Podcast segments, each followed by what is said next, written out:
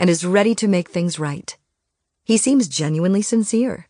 You breathe a sigh of relief, and hope builds in you again. Inevitably, this hope disintegrates. Narcissists can't stop trying to control you, and they can't seem to control their own behaviors for any length of time. For a while, you think things are getting better. However, when the narcissist gets comfortable in the relationship again, he'll go back to being self absorbed, inconsiderate, arrogant, insensitive, and blaming. And of course, if things don't go his way, he's instantly back to the same defensive and antagonistic patterns. How many times you are willing to believe the narcissist's false promises is up to you. Social attacks and gossip. It is hard to keep the end of your relationship with a narcissist out of the public eye because the narcissist demands that everyone you know choose sides. As soon as possible, he will tell your friends, neighbors, church members, and club acquaintances in person and on social media his version of the story of your breakup. That is very distressful for most caretakers. During your entire relationship, the narcissist insisted on extreme privacy about your interactions together. And now he's spreading all kinds of misinformation and slander and trying to ruin your good name. Too often, caretakers continue to keep their promises not to talk about the relationship, which ends up letting the narcissist's lies stand without response. Gossip is a manipulative tactic designed to make you the bad guy and the narcissist to gain as much sympathy as possible. It can also work effectively to re engage you with him and bring you under control. Stalking. Although stalking is usually not blatant or threatening by narcissists, it is not uncommon for narcissists to fortuitously be at the grocery store when you are there, suddenly appear at a community or social event you attend, or change their running schedule to go down your street every morning. Be prepared ahead of time for these unexpected meetings. They're designed to keep you aware of the narcissist's presence and emotionally off balance. Neediness. Narcissists appear to be strong and independent, but they are actually extremely needy. You may find it hard to let go of taking care of the narcissist. You may get calls to come fix her car or he may still expect you to keep doing the accounting for his business. Or she wants you to take down the Christmas lights on her house. Or he expects you to still make his dentist appointments. It can be exhausting and difficult for you to say no to these persistent requests. Too often you get pulled back into interactions with the narcissist that really don't benefit you. Conclusion Narcissists try to be in control of all aspects of their relationships they want to decide when and how to leave, and they want to make sure that you and everyone else believes it is your fault. The reasons that narcissists decide to leave a relationship have little or nothing to do with you. It is likely that even the narcissist doesn't know the real reasons. However, when he has decided to leave, there is very little a partner can do to stop it from happening. When you try to leave, you face a barrage of persuasion tactics that can be overwhelming and intimidating because the narcissist tries to make you feel guilty and completely to blame. The narcissist seems only to care about how others see him, with little or no concern for anyone else's feelings. It's his goal to look as good as possible and maintain control. Questions for reflection. What blame have you taken on for the end of this relationship? What do you think are the real reasons the narcissist left this relationship? How have you been trying to fix, repair, or save this relationship? What has been the result? How has the narcissist been trying to make you the bad guy? How did the narcissist in your life leave? Have you ever thought about or tried to leave the narcissist? What happened? How does the narcissist try to pull you back into interactions with him or her? Chapter 5 What Just Happened? If you're going through hell, keep going. Winston Churchill. When you found out that the narcissist was leaving, you began a process of adjusting to that information. It may help to know the feelings that most caretakers experience in the course of being rejected by a narcissist so that you can see that what you are experiencing is normal. Shock. This is not the same person. At the beginning of the relationship, the narcissist was charming, warm, affectionate, often witty, and confident. Yes, you probably also saw his arrogance, self absorption, and moodiness. But those things seemed fleeting, or you thought they were something you could help him overcome. The narcissist had probably been through a number of relationships, which he probably described as awful, horrible, or crazy. You thought that your love, loyalty, kindness, and sympathy would guarantee that the narcissist would never think of you in those terms. But in spite of all you have given, here you are, being rejected and rebuffed anyway. In addition, you may now feel that somehow this is all your fault. It comes as a huge shock when the narcissist turns from Dr. Jekyll into Mr. Hyde. The moment the narcissist first switched is significant for most caretakers. It may even have felt like an actual electric shock going through your body. Many people see the first glimpse of that change occurring at a major life turning point, such as the day of your engagement, immediately after the wedding, the birth of your first child, when you signed the papers on an expensive house, when you first caught him in a lie, or some other stress point in your lives together. You brushed it off and tried to repress the feeling, but it rose up again and again at intervals. As time went by, the narcissist responded more and more with anger, hostility, put downs, defensiveness, and blame. You worked hard to be forgiving, accepting, flexible, and accommodating. You started protecting your awareness from this negativity by forgetting or repressing the memories of these hurtful and injurious behaviors. So even though you had seen the narcissist's mean side many times, you put it out of your mind, ignored it, or told yourself he was just under stress, tired, or depressed. You made excuses, ignored the behavior, and mostly remembered it only when it was aimed at other people his former wife, his boss, a clerk, or an inattentive waitress. You didn't like that behavior, but you felt it was your job to forgive, forget, and move forward. But the narcissist's dark side doesn't go away or magically transform. It's a part of his core personality. The closer you come emotionally to the narcissist, the more you see it. You may have been stunned and surprised by this breakup, but subconsciously, you had also been on guard and wary of that hidden part of your loved one for a long time. Confusion. What's going to happen now? Relationships with narcissists are continually confusing because they have two strongly opposing sides to their personalities the charming, attractive, and positive false self, and the negative, childish, and selfish hidden self. After you were committed and the narcissist relaxed into being himself, both of these selves started appearing side by side, switching from moment to moment.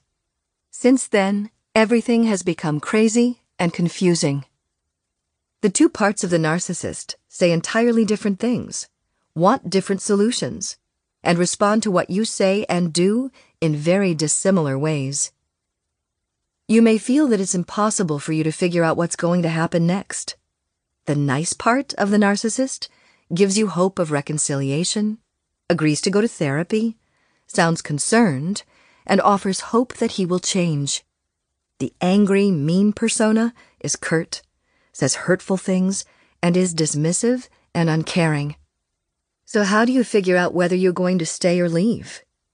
Will you fight to keep the relationship or walk away and give up? Every time you take a step to reconcile, the narcissist pushes you away. However, when you cut off communication or don't answer his emails and texts, he demands that you respond and stay engaged. Just when you start to feel more at ease without the narcissist around, he makes overtures to reunite or resume the relationship. It's completely crazy making. Denial. It must be something I did. If you are in the early stages of the separation process, you may still want to keep the relationship. You want to remain hopeful. You may believe that you can still do something to save this relationship. One way to put off the end is to think that you have the power to change things.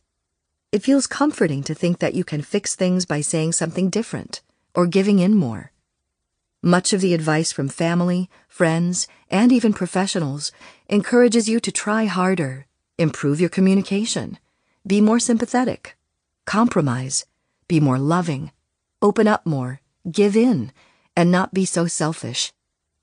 I want to emphasize that as a caretaker, you've already done too much of those things. You've probably kept this relationship going much longer than the narcissist has ever experienced before. In fact, that may be part of the problem for the narcissist. He has reached the limit of his ability to tolerate this closeness, far exceeding his comfort zone. You now see the narcissist's faults and shortcomings, and he knows you want him to change. Unfortunately, the narcissist likes being a narcissist and doesn't want to change. He wants out of the relationship, but also wants you and everyone else to give him permission to leave and still be the good guy. Remember, it's not about you, and it's not your fault. You cannot fix it. Your denial of these truths will lead to more and more pain, confusion, and heartbreak. You don't have the power to change a narcissist. And even if you think you have saved things up to this point, it's extremely unlikely the relationship will be preserved in the long run holding on. I won't give up. When the narcissist is determined to leave the relationship, no amount of holding on will stop him. You can make demands, try reasoning, plead, beg, cry, or get socially kind hearted professionals on your side minister, therapist, lawyer. But the narcissist will still leave if he wants to. Nothing will save a relationship when one person refuses to participate. It is likely that the narcissist has broken every promise he has ever made to you. Ask yourself these questions Do you feel loved, honored, respected, and cared for? Does the narcissist share his intimate feelings with you? Has the narcissist been loyal? Does he kindly and generously share possessions or money with you? Does the narcissist share the responsibilities of maintaining the relationship, the home, the children? Does he nurture and support your emotional well being and growth? Do you feel safe and comfortable and relaxed in his presence? If these things are missing most of the time, you might wonder what you are holding on to. Anger. How could he do this to me? When you start feeling anger, it's a good sign that you are accepting the truth of what is going on. Probably you should have gotten angry a long time ago, but your repression and denial kept your anger in check. When you face the reality that the narcissist is emotionally disabled, unwilling to change, and doesn't understand or care very much about your feelings, that should trigger your anger. Anger at the narcissist, anger at yourself, maybe even anger at God. The narcissist has rarely appreciated what you have given in this relationship, and you have given much, much more empathy, time, energy, and attention to him than you have received. That has been unfair. Your faith that things would eventually reach a balance has not proven true. In fact, in this breakup process, the narcissist is still going to believe that you didn't give enough. Hold on to this anger but don't expect it to be your only sustaining emotion. Some amount of anger will help you stand up for your rights. Use your anger to motivate you to protect and take care of yourself in this breakup process. However, beware of ongoing, unremitting anger, which can lead to spitefulness, vindictiveness, and petty obsessions about specific hurts and grievances. Chronic anger eventually leads you to a deep loss of self esteem and increasing victimhood. hurt, pain, agony, and relief. You had great hopes and dreams about how this relationship would be. Many built on the promises from the narcissist. The hurt and pain you are feeling now come from losing the good feelings and positive elements you actually had in this relationship, but even more from the loss of the dream that you had with the narcissist. A big part of any relationship with a narcissist is the fantasy and vision that you thought you shared. Unfortunately, it was just an illusion, a myth, a mirage created by the narcissist. Yes, he totally believed in it, as did you, but the fallacy is that the narcissist just can't deliver on those promises. He can't truly be your soulmate because of his inability to be empathetic, emotionally vulnerable, and deeply committed. When the narcissist can't deliver, he just comes up with a new dream that he expects you to automatically accept. When you feel hurt, angry, or blindsided by these sudden changes in the narcissist, you are accused of being negative or obstructionist that loss can be painful and baffling. Being abandoned, wrongly accused, demeaned, and criticized is distressing and can shatter your sense of who you are and where your life is going. Combined with the confusing push pull messages from the narcissist, you can feel adrift with no anchor or stability. It can lead you to doubt everything that you thought was true. Seeing your life now as yours alone can be stressful and disturbing. However, if you're starting to see that you have a pattern of getting into caretaking relationships, now is a good time to reassess your views, beliefs, and assumptions about relationships that may have led you into this relationship with a narcissist. Do you honestly want to keep taking care of someone else? Wouldn't you like to be in a relationship that truly meets your needs as well? Do you need to learn skills to stand up for yourself? Will you ever be able to get someone to take what you feel and want seriously? Even though you miss the narcissist and have a lot of pain and hurt, there is likely a part of you that also feels some sense of relief. Years ago, I gave a narcissistic husband and a caretaking wife the homework assignment to not talk or interact with each other until they came back for their session the next week. When I saw them again, the husband berated me for the horrible and stupid assignment, but the wife said it was the best two days of peace she had had in years. He wasn't able to keep quiet for even an hour, but she had kept at it for two days, ignoring him, cooking only for herself, talking with her friends, and going about her day as she chose.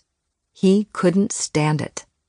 It gave her the insight she needed to realize how much of her time and energy he was using up every day for his emotional needs.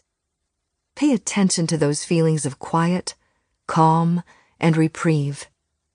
How does it feel not to have to constantly pay attention, respond, listen, and deal with the narcissist's ongoing, never ending neediness and drama? Revenge, self condemnation, depression, and fear. These are what I call the dead end feelings. They are likely to surface as you make your way through this challenging and confusing time. These are the feelings that will make everything you're going through harder and lengthier. Seeking revenge may temporarily take your attention off of a skewed belief that the narcissist is somehow winning, but it only truly feels satisfying to people who are vindictive and bitter. By the end of this book, I hope you can see that the narcissist never wins. He may get things he wants or shape situations to his liking, but he will never feel deep, abiding love and satisfaction. He will never have that relaxed, comfortable feeling of being safely cherished and valued without judgment by another. He will always be stuck in his own fears, vulnerabilities, and defensiveness. Narcissists would like their partners to dissolve into self condemnation and helpless shame. It helps them feel less guilty and supports their belief that it is not their fault. However, self blame, shame, and self criticism are highly detrimental to making the changes and adaptations you need to do right now.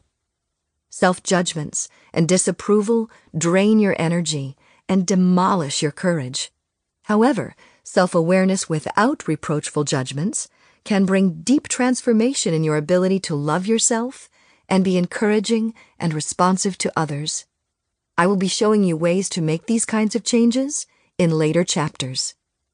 Your life has been shaken to the core. You're giving in to the narcissist and taking care of everything you thought he needed, even your giving up your own needs and wants, did not save the relationship. Continuing now to take care of the narcissist while this relationship is ending can lead to your being emotionally and financially harmed even more. Now is the time to back away. Catch your breath and think through what you want to do next. It's important that you do not collapse into depression and fear. You may have periods of feeling hopeless and helpless. However, now is the time to learn new coping strategies and bring your focus to your own self care. It is a good time to turn your amazing caretaking skills toward your own well being. Questions for reflection. When was the first time you saw the dark side of the narcissist? How did you feel in that moment? What did you think? What did you do? What is currently confusing you about the conflicting behaviors and responses you see from the narcissist? How have you denied and downplayed the narcissist's negative behaviors? How do you buy into the narcissist's accusations and complaints about you? Which ones do you believe? How do you keep hanging on to the narcissist as she or he tries to depart? Identify and write out a statement about your anger at the narcissist. Keep it handy for when he or she tries to pull you back in. How are you secretly relieved to be away from the narcissist? What is your secret revenge scenario? What triggers you to feel collapsed and hopeless? Chapter 6 Coping with the End Fall down seven times, rise eight times. Life begins now. Japanese proverb. Making it through the demise of a relationship with a narcissist can be a harrowing experience. Everything that you believed in and expected from the narcissist gets completely turned upside down. In the beginning of the relationship, you were on a pedestal. Now that things don't please the narcissist, you're pushed off and deposed, open to insult, slander, and denigration. You see the dark side of the narcissist in ways you may only have glimpsed before. Narcissistic Rage It doesn't matter whether the narcissist is divorcing you or you are divorcing the narcissist. He will be angry, hostile, and even enraged because his fantasy, delusion of how things were supposed to be hasn't worked out, and it's all your fault. You didn't follow the script. You didn't play your part properly. You said or did the wrong thing. You are the cause, which makes you disloyal, untrustworthy, treacherous, and dishonest. Source of the rage. Why is the narcissist so angry at you? Heinz Kohut coined the term narcissistic rage. He explains that it occurs because the narcissist feels shame at being faced with failure. This shame, which is hidden deeply within the narcissist, is one of the worst feelings that narcissists experience.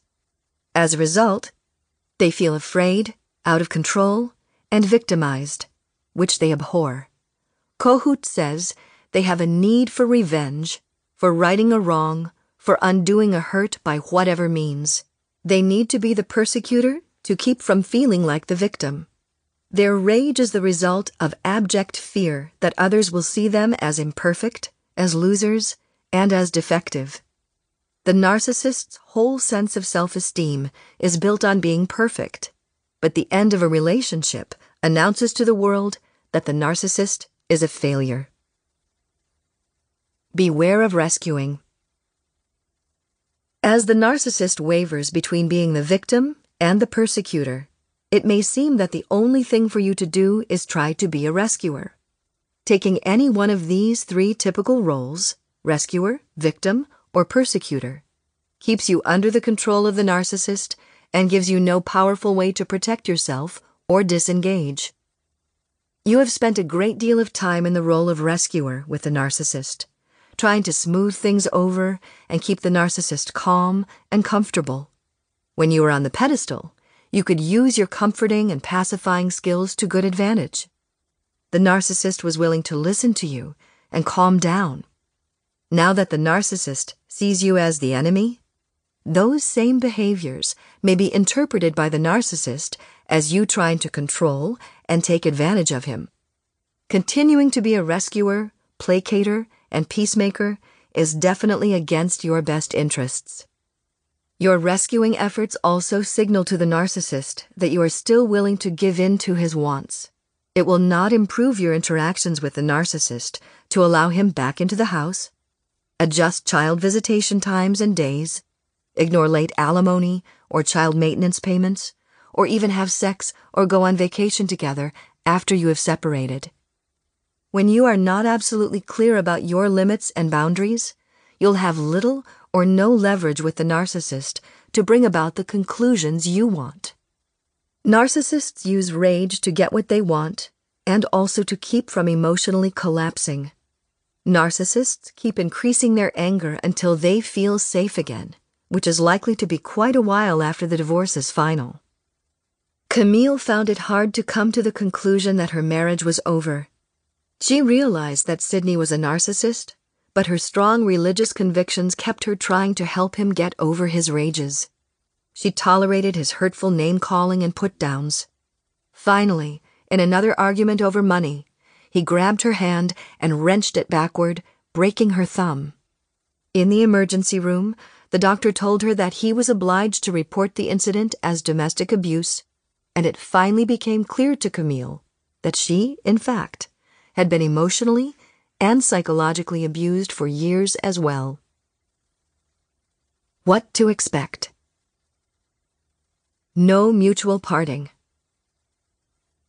A frequent hope and goal for most caretakers is to have a mutual and friendly parting from the narcissist.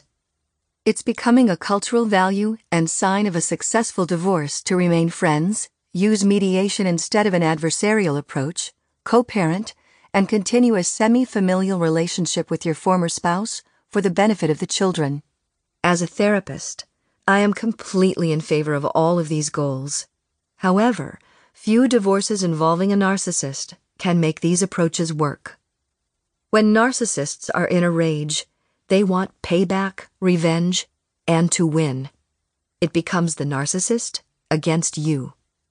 They feel threatened to the core and the only way for them to feel safe again is to win, and that means to them that you have to lose. Narcissists may identify winning by how much money and property they get, how often their choices and preferences win over yours, or how successful they are in stealing your friends or getting your kids to like them better. Narcissists want a competition no matter what they say.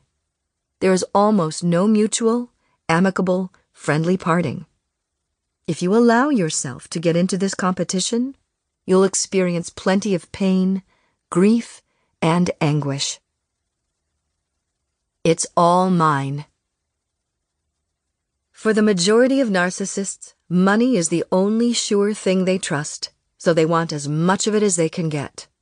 Male narcissists who made more money than their female partners frequently think that all the money belongs to them in the first place. Many of them have talked their wives out of working, but during a divorce, blame them for not contributing. They expect to keep all of the assets. In some cases, all of the assets may already be in the narcissist's name alone, so it can be difficult to get your reasonable share. When your relationship appears to be ending, tread cautiously and have a plan. For you to leave this relationship safely, you'll need a lot of assistance, including a lawyer who has extensive experience with narcissists. Karyl McBride's book, Will I Ever Be Free of You? offers excellent guidance about the legal process of getting out of a relationship with a narcissist. Having control of your assets, a place to live, and a way to support yourself ahead of time will help a lot. You'll also need a strong emotional support system to sustain you, including friends, family members, a knowledgeable therapist, and spiritual support. Get your own lawyer as soon as possible. If you haven't seen this coming, you may also need to get a forensic accountant busy to find all of your joint assets before the narcissist hides them or empties the accounts. If you have been handling the finances, you may know where the money and assets are. If the narcissist handled the money, it may be hard to find it and get what is financially fair for you. As soon as the narcissist acknowledges there will be a divorce, he typically starts talking about cooperation, working together, and coming to settlement agreement without lawyers, citing the expense and hostility that lawyers bring to the situation. But this is usually a ruse to divide property and assets to his advantage by dominating, pressuring, and intimidating you into giving him what he wants. You definitely need your own lawyer. You need someone on your side, with your interests in mind, who will speak up for your rights. Even trained professionals can find it intimidating to stand up to the narcissist's rage and manipulation. So, as a caretaker who has loved this person, you have little chance of defending yourself adequately.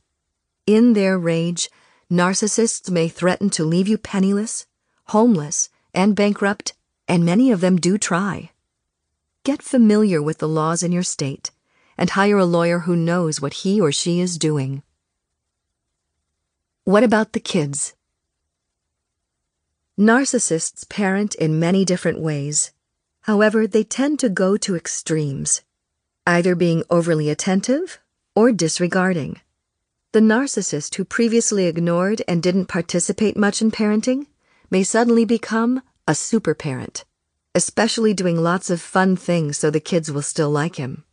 He may use the children as companions so he won't be alone. He may put more intense pressure on the children to perform well to prove the divorce isn't hurting them. Or he may decide to become their teacher, coach, or trainer for activities that are of particular interest to him.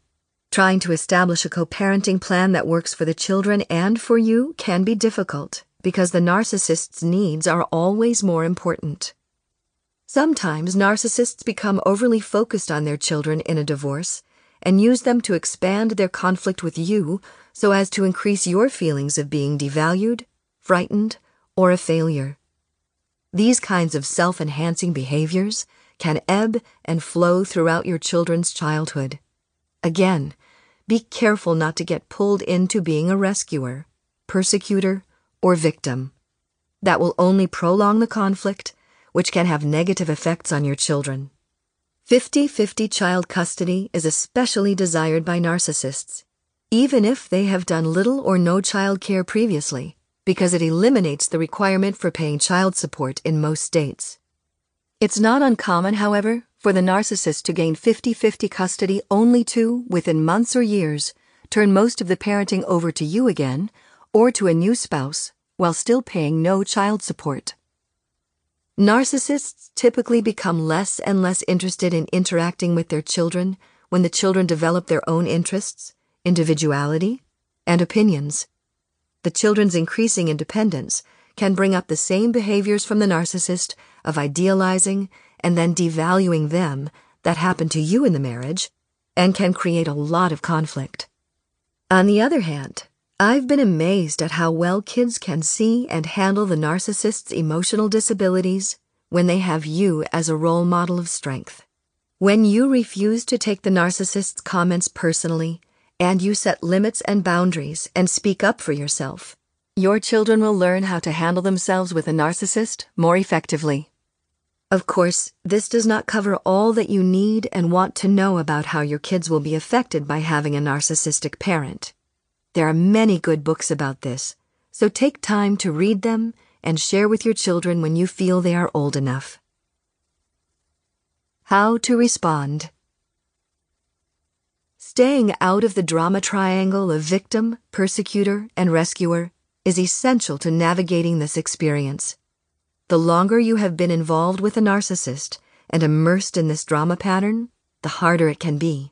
You may feel very victimized or your anger and resentment may trigger a strong need to persecute the narcissist. Or you may automatically go into caretaker mode without even being aware of doing it. Keep checking on yourself to keep from falling into any of these three roles. Throughout the rest of this book, you'll find many strategies to keep yourself centered and out of these old roles. When you feel strong and prepared to deal with the narcissist in new ways, you'll be better able to protect yourself and maintain your equilibrium. Diffuse your fear. You immediately need to work on lowering your levels of fear and anxiety. Narcissistic rage is something awful to behold and can be terribly frightening to have aimed directly at you.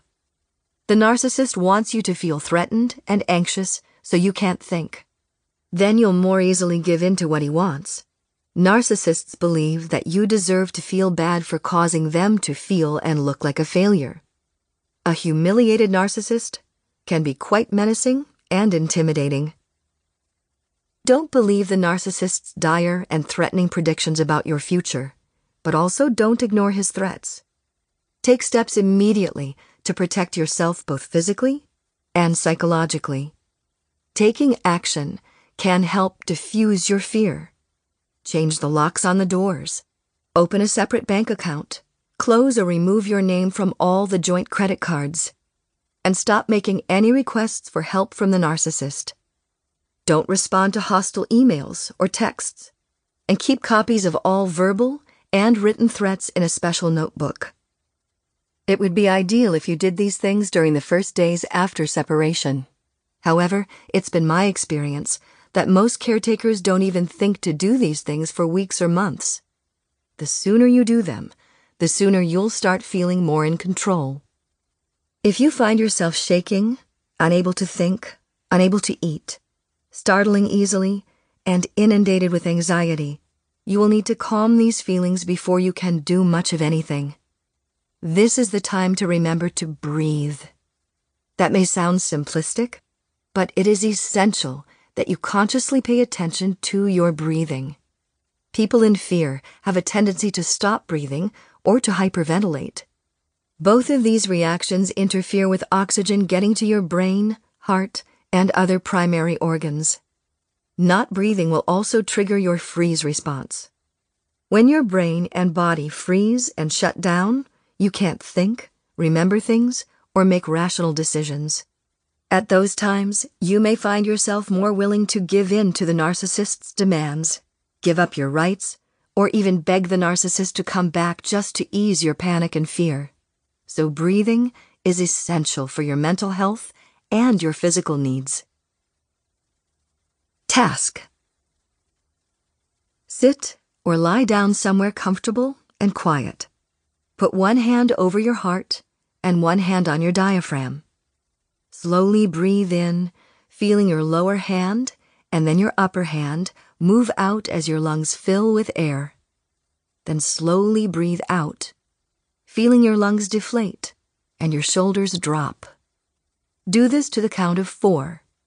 Four counts on the in breath and four counts on the out breath. Most people find that doing this breathing series even four or five times starts the relaxation process. If you are in deep distress, you may need to do this for 10 to 20 minutes.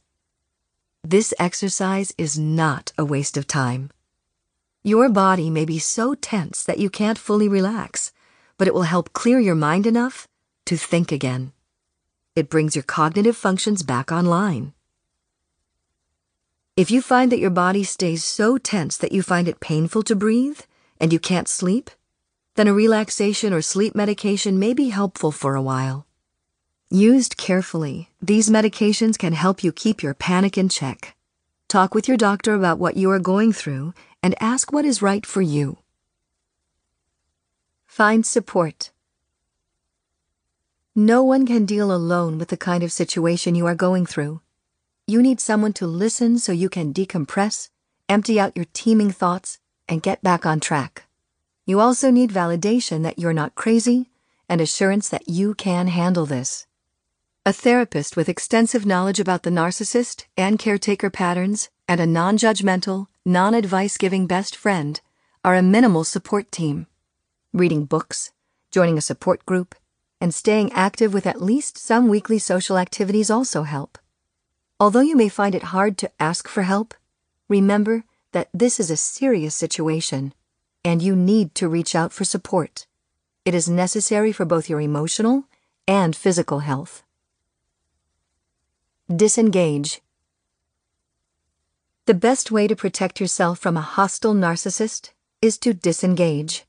Yes, the narcissist hates that, but he's already in a rage anyway, and it is no longer your job to take care of his feelings. Now is the time to think about your own emotional needs.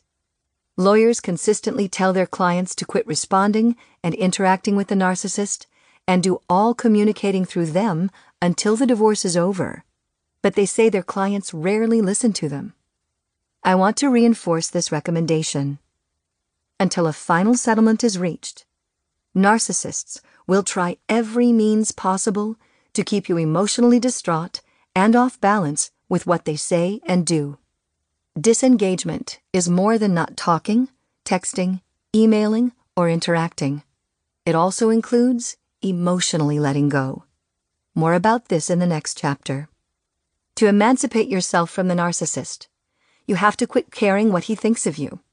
You also need to let go of any dependence on the narcissist emotional, physical, and financial. If you have young children, it may take years to completely disengage.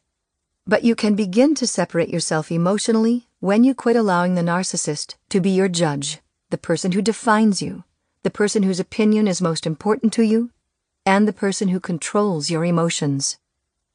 Disengagement means taking back control of your life instead of letting the narcissist determine your feelings.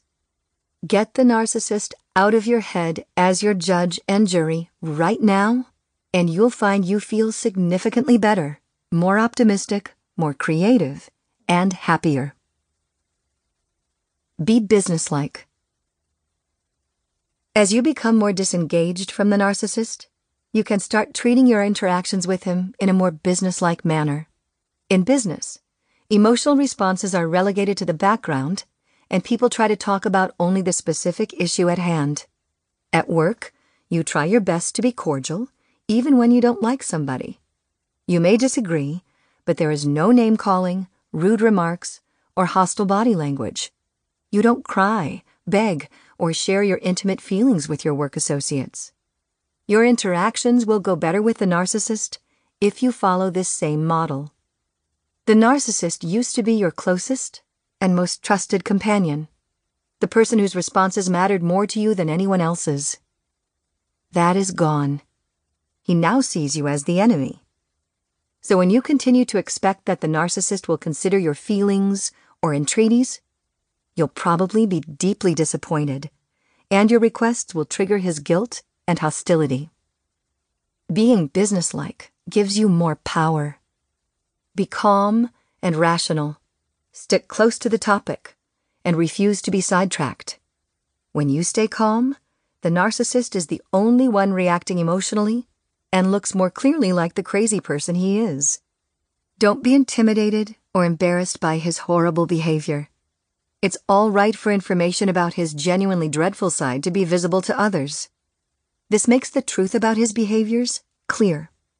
You used to enable the narcissist by keeping those behaviors hidden, but it will do you no good now. It may be a tremendous relief to you to quit covering up, and it allows the rest of the world to see the narcissist more authentically. I'm not suggesting that you gossip or talk derogatorily about the narcissist. Simply state true facts without covering them up. Stop apologizing for him and quit dismissing or explaining his rude and negative behaviors. You do not want to badmouth the narcissist to friends, family, or your children. Speak only the truth about the actual behaviors and words of the narcissist. Overall, it is best to let people see for themselves how he acts under stress, which just requires you to stop covering it all up. Take excellent care of yourself.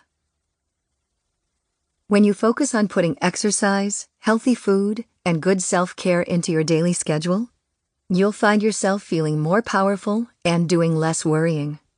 Actively taking care of your body automatically improves your self esteem and prepares you to handle challenges. Moving your body helps balance your breathing, brings oxygen to your brain, and gets your heart pumping. These actions help keep you from shutting down emotionally or dropping into depression. Get a massage, sit in a hot tub, or do whatever helps you to relax. Make your own physical well being a priority. I also recommend that you keep a journal of your thoughts and feelings. It's surprisingly calming and validating to put down on paper your experiences and insights. It can help you sort through the confusion and figure out what you want to do about this huge change. It's also a good memory trigger to help you stop forgetting and diminishing those negative interactions with the narcissist. Now is not the time to be stingy with yourself. Invest in your health and healing. Put your time and money into services that provide good emotional care. Taking care of yourself is not selfish. It is good sense.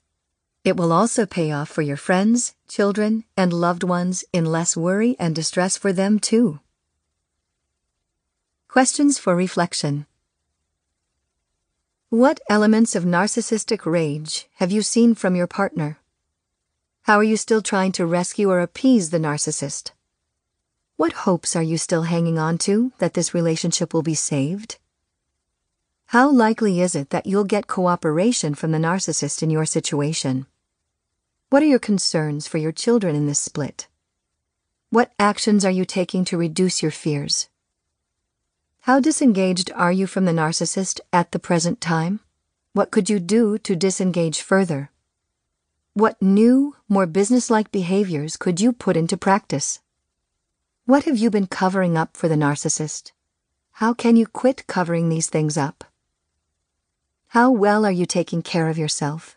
What else could you do? Chapter 7 Letting Go. Don't look backwards. You aren't going that way. Autumn Shields, author of Living Your Life Alive. Relationships with narcissists frequently end no matter how hard you try to save them. The end is often painful, exhausting, and generally upsetting. Whether your relationship ends, hangs together for months or years, or settles into a rhythm that you can live with, you will need to learn to let go of many of the expectations, hopes, and dreams you have had about how you wanted it to work. Changing your perspective, presumptions, reactions, and strategies will reduce your frustration, emotional injuries, and general distress. Change your perspective. By now, you understand that the narcissist's views of the world, relationships, and of you are distorted, and his reactions aren't normal. The most common reason you continually get blindsided by his reactions is that you keep thinking that he'll react normally. It's especially difficult to keep this in mind when the narcissist seems to be talking and interacting more conventionally for a period of time. You get to thinking that he's back to center and will now be reasonable, but the narcissist's twisted views will always resurface, so you need to be prepared. Narcissists will always be narcissistic. Perhaps one of the hardest things to come to terms with is accepting that the person you loved is mentally ill.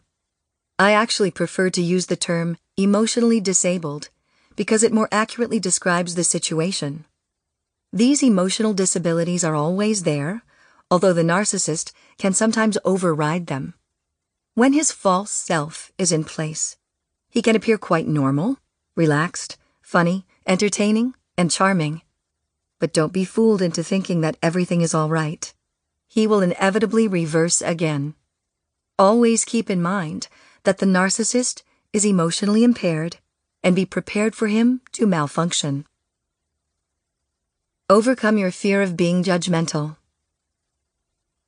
Most caretakers trip themselves up because they find it hard to make any negative judgments about other people. Identifying narcissistic traits in another person is not much different from recognizing that someone has blue eyes, is tall or short, or is right or left handed. Distinguishing personality traits in yourself and others can be tremendously helpful for predicting what behaviors and actions will occur in particular situations. If you're willing to acknowledge only positive characteristics, then you'll be woefully unprepared to deal with the narcissist's negative actions. Take away the positive and negative labels and try to see the narcissist's traits as simply an informational list of behaviors. It is also helpful to acknowledge that all of us have traits that we like or dislike, that are functional in certain situations and not in others, or that are helpful or detrimental to ourselves or others. For instance, a highly active person who takes charge and is innovative and creative would be great in suddenly dangerous and unknown situations, but would probably not make a good grocery store clerk. The narcissist's personality characteristics work effectively to protect his immature and fragile ego. These same behaviors, however, can be very harmful to you and others. Not taking the entire spectrum of the narcissist's behaviors into consideration each and every time you interact could be foolish and hazardous. Don't ignore some behaviors or traits just because you don't want to be judgmental or negative. Quit caretaking. A major part of being a caretaker in this relationship has been the requirement to be the nice one, to give in, make things right, deal with any problems and difficulties, and spare the narcissist any anxiety or upset. That role has to face a major overhaul if you're going to regain your independence and emotional well being. You have to stop taking care of the narcissist and start focusing on caring for yourself. That may be a challenge, and you may find you don't have many ideas about how to do that. The first step is to quit thinking about the narcissist all the time. Instead, pay attention to what you are feeling and what you are wanting to do. Each time you start wondering what the narcissist thinks or feels about this or that, turn your attention back to yourself. This takes concentration and practice at first, but with repetition, it'll become easier and feel more natural. When you put more energy and focus on your own life and needs, you'll come up with more creative and effective ways to care for yourself, and you'll start healing. It is no longer your job to take care of the narcissist. Caretakers often say to me that they need to keep focusing on the narcissist as a way to protect themselves from what the narcissist might do next. If you clearly identify and remember the narcissist's behaviors, you'll be prepared enough. It's when you forget that the narcissist will act like a narcissist that you find yourself in trouble. When you disengage from caretaking and put more energy into observing and accepting the narcissist as he is, you'll be much better protected and less surprised. Focus on you. Most caretakers keep obsessing about the narcissist because it has become a habit. Like all habits, you need to catch yourself when you're caretaking, stop yourself in that moment, and have a new behavior ready to take its place. That's a good time to tune into your own feelings and consider what you want to do. Right now, you may think you feel numb or you don't have a clue what you are feeling. Here's a way to tune into your own feelings more. Task Draw a circle on a piece of paper and then cut it into four wedges. In each wedge, write a feeling that you are having right this minute. If you get stuck with only three feelings, repeat the one that is the strongest. Don't be surprised if all the feelings don't seem to go together. For example, angry, frustrated, hurt, and relieved. Think about each feeling until you discover what event brought that feeling to the surface. For example, I was hurt when Jim cut me off in mid sentence. Then try to pinpoint the self judgment, conclusion, or assumption that triggered the feeling. For example, I felt discounted and unimportant. Finally, decide what you want to do about that feeling. For example, I know I'm important to my children and friends, and it no longer matters what Jim thinks of me.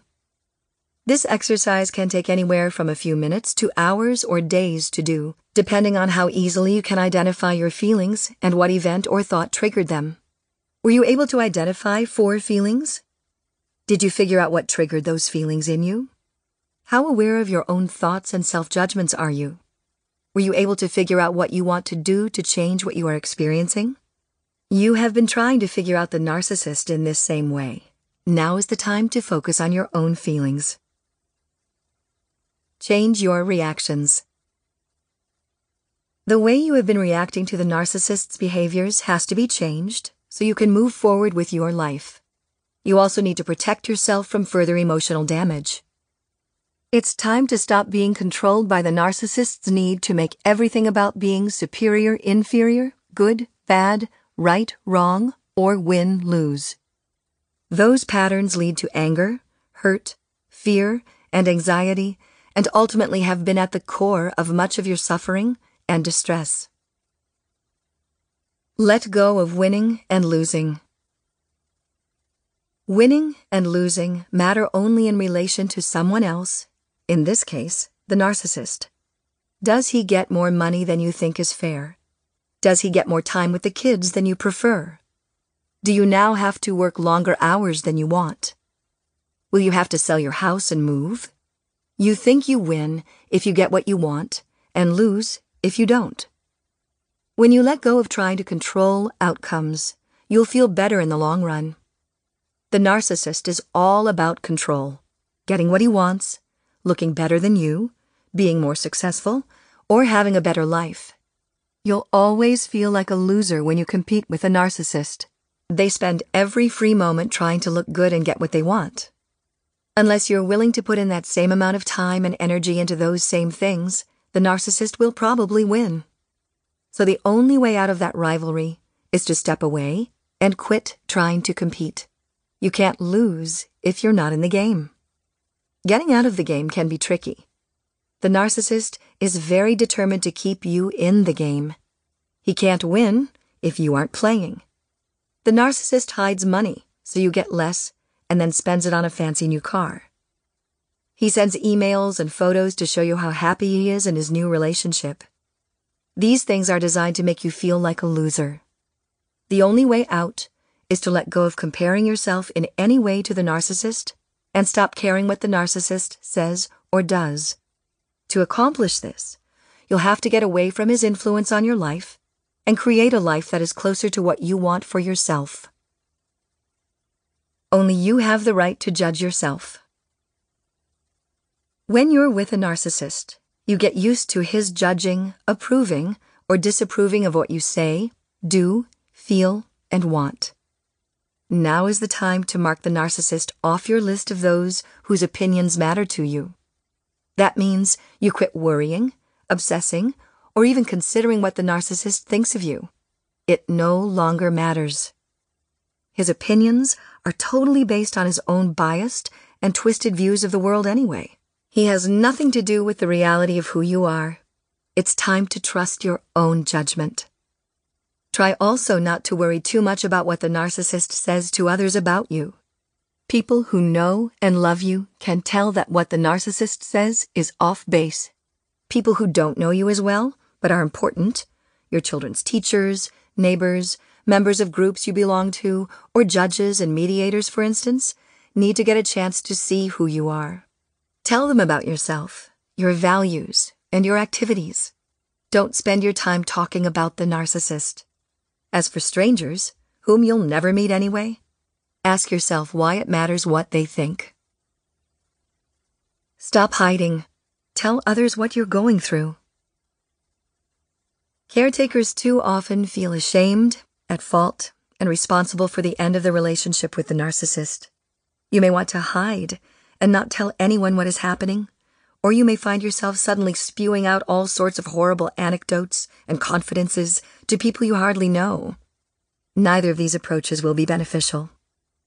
Start sharing what is going on in your life with a close friend or family member whom you trust.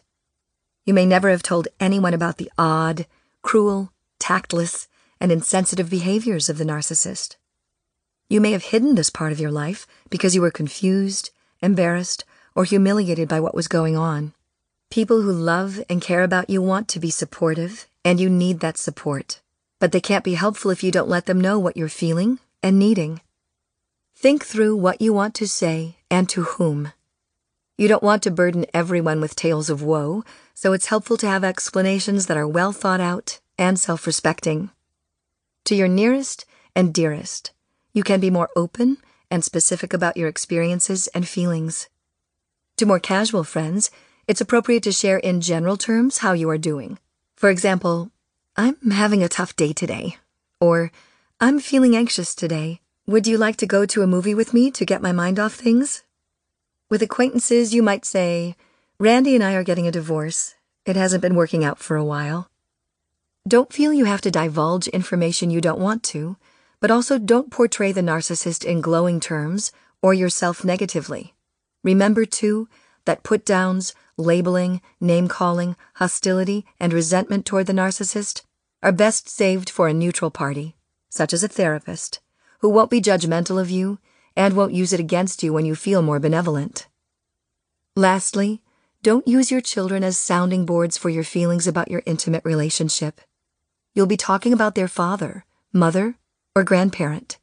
That puts children in the middle between people they love and count on for security, identity, and self esteem. Be yourself instead of what others want you to be. Your most familiar response around the narcissist has been to change yourself to meet his expectations, changing your feelings, choices, opinions, even how you dress, or the food you eat. You may also find that some friends and family want you to respond to the narcissist and your relationship differently than you believe will work for you.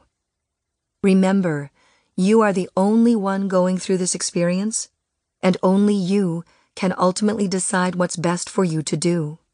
A good way to be yourself is to follow your own inclinations and preferences and make the choices that feel best for your well being.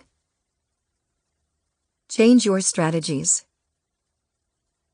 Stop showing your reactions to the narcissist. Narcissists love getting a reaction from you. To them, it's a test of their power and dominance. They know they're pushing your buttons when you have an emotional response. To let go, you need to stop letting the narcissist see his effect on you.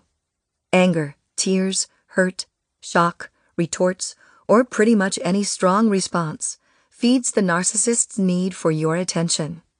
He wants out of the relationship, but he wants you to still be attached and emotionally involved with him. Adopt neutral body language and facial expressions around the narcissist. This helps you set a boundary between the narcissist and yourself. You're no longer going to join the narcissist's emotional games and competitions. The more you practice this attitude of neutrality, the stronger you'll feel. It helps you to move your emotions to the side.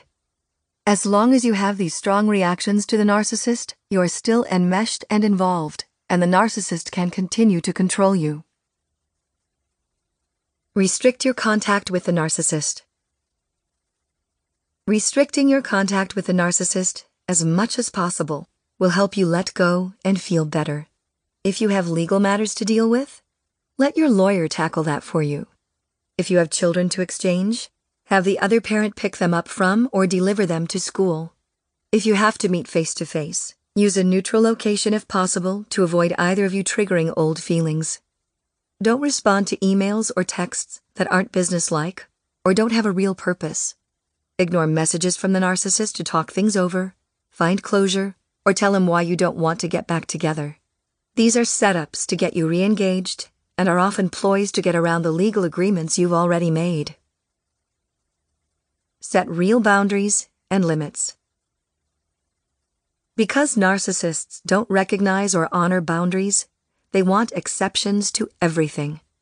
They agree to one thing, and then they demand the right to change it, accusing you of coercing them into it. When they have problems and issues, they want you to fix them. They scream hateful things at you, and then call in the middle of the night and want your sympathy. Decide what you will and won't put up with, and stick to it. When these boundaries are put into legal agreements, honor them exactly, even if sometimes you would also like exceptions. To the narcissist, any exception you make essentially nullifies the whole agreement and signals that he now has the right to make further exceptions. When the narcissist sees that you'll give in on one thing, he'll push for you to give in on more and more. This is not the time to be nice, flexible, helpful, understanding, or overly considerate. The minute you start feeling sorry for the narcissist, you are back under his spell. Boundaries, limits, and disengagement are all ways to effectively let go. You may also need to set boundaries on yourself as well. For example, don't stalk the narcissist on social media, ask your kids how the other parent is doing, or keep tabs on him in any way. These behaviors will only increase your anxiety, misery, and continued attachment. Step away from conflict. In the past, when the narcissist has emotionally attacked, you've probably responded by pushing back or collapsing in hurt. It's time for a new strategy. It's time for emotional Aikido. In Aikido, the person being attacked watches the attacker carefully to assess where he is going to hit and then calmly twists around or takes a step away so that the blow will miss. This results in the attacker missing or falling. You can learn to do the same. The steps to this strategy follow. Look the narcissist in the eye. Breathe and stay calm. No matter what he says, respond with, Really? Is that what you think, feel, believe, want? I see. Then walk away. Do not engage, discuss, counterattack, or make any other responses. Simply leave. The narcissist may be astonished, infuriated, continue talking, or whatever. It doesn't matter. You have just taken yourself out of the impending conflict. By refusing to engage unless the interaction is civil, you've changed the rules of the game. Keep it up, and you'll find you have less and less contact with the narcissist and more and more relief. Protect yourself. You definitely need to protect yourself from the narcissist's negativity as much as possible. I'll talk more about this in Chapter 13. The minute the narcissist starts belittling, attacking, or demeaning you, extricate yourself. State the facts of who you are and what you want if necessary, and then disengage. Walk away or hang up the phone and don't respond further until everyone cools down. Don't let the narcissist into your house. Don't drive by his home. Sit with friends and as far away as possible from the narcissist at events you both have to attend. When your mind starts wandering, wondering, or worrying about what the narcissist is doing or might do, change your attention and take your mind off of those thoughts. In every way possible, cut the narcissist out of your thoughts and life. Change your life. Tune into yourself. This is a good time to re-evaluate your life. You've spent your entire relationship with the narcissist trying to understand him. Now it's time to look inside and figure out who you are. What parts of yourself have you given up to please and accommodate the narcissist? What goals or dreams did you leave behind? What negative thoughts about yourself have you incorporated from his opinions? What things about yourself have you kept hidden and protected? Wake up to who you are, what you enjoy, and the feelings and experiences that bring you joy. Much of the rest of this book will focus on helping you heal these wounds and reconnect with yourself. Reflect on how you were vulnerable to the narcissist. Have you thought about how and why the narcissist picked you and you picked the narcissist? Ross Rosenberg, in his book The Human Magnet Syndrome, identifies characteristics of people who choose continuing long term relationships with narcissists, much of which we discussed in Chapter 2. As you begin the process of letting go of the narcissist and are better able to look at both of you with less anger and criticism, you'll be more able to reflect on the parts of yourself that may need strengthening and adjusting. You were chosen by the narcissist, and you chose the narcissist for reasons that were probably indiscernible to you at the time. As these traits and tendencies become more visible, let yourself consider what ways you need to grow to fortify yourself against future manipulation by others. Upcoming chapters will help you with this process. The most important element for change, however, is learning to stop judging, criticizing, or invalidating yourself. Reassess your friends. When you end a relationship with a narcissist, you may become aware that you have other narcissistic relationships that you hadn't noticed before. Narcissists can be entertaining and charming, but they make better acquaintances than real friends. Pay attention to who is being supportive of you in this time of loss. those whose comfort feels truly reassuring and soothing versus those who offer advice, dire predictions, or simply launch into their own stories of woe. You don't have to keep a friend just because you've known him or her all your life, or you used to like each other years ago. Now is a good time to identify what qualities you find cheering, kind, encouraging, and honest in others, and seek out people with the potential to be true, caring friends, no matter what is happening. It's okay to let the others go. Don't get stuck in the past.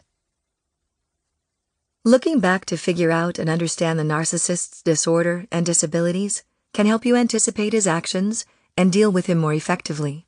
However, don't get stuck in just analyzing the narcissist. Use what you learn to take better care of yourself. If your thoughts aren't helpful to you in dealing with the present, don't waste your energy on it. Ruminating on the past may be easier than figuring a new life path and learning new skills but it drains your power in the present. Future fears. What fears do you have about your future? Have you lost hope that what you want is possible? Are you letting the narcissist's definition of who you are dominate and overwhelm you? Do you have a core fear about being alone? Do you think you are incapable of handling things on your own? Avoiding your fears only makes them loom larger. Facing your fears helps you start defining them as problems to be confronted and overcome. Fears are nebulous, but seeing them as challenges and dilemmas to be solved makes them more manageable. Reach out to new opportunities. Letting go of the past helps you reach out to new opportunities that are now opening up. The Chinese character for crisis is a combination of two words danger and opportunity. Right now, you are probably feeling immersed in the element of danger. After all, a big part of your life, your dreams, as well as your finances, children, and property, are all in chaos and turmoil. But every crisis eventually opens up into new prospects, new viewpoints, new people, new possibilities, and new options. You may not have wanted or chosen these new things to come into your life, but they now give you the possibility to benefit grow, advance, and open up to more of who you are and what you want in your life. You do have choices. Since you decided to choose this book and have listened this far, I think it is pretty good evidence that you are motivated to move forward. You want to heal. You see there are possibilities in your future that could make your life more of what you want it to be. Let's move forward then to healing, empowering, and transforming this situation into a life where you can thrive and flourish. Questions for reflection. What changes in your self image and your view of the narcissist do you need to make? Which of your reactions to the end of this relationship have been unproductive or futile for you? What reactions would you like to be having instead? What part of your emotional relationship with the narcissist do you find difficult to let go of? How ready are you to face down the narcissist and walk away? What can you do to better protect yourself from the narcissist's attacks and criticisms? How can you better tune into yourself and better tune out the narcissist? How much time do you spend reviewing the past? How can you bring yourself into the present more? What fears are keeping you from letting go of the narcissist? What else are you hanging on to that is keeping you from moving forward? Part 3 Healing After the Crash. Chapter 8 Grieving. Your pain is the breaking of the shell that encloses your understanding. Kahlil Gibran from the Prophet. Pain, anger, and grief are all bound up together. Anger keeps the pain of grief and loss at bay until we are strong enough to bear it.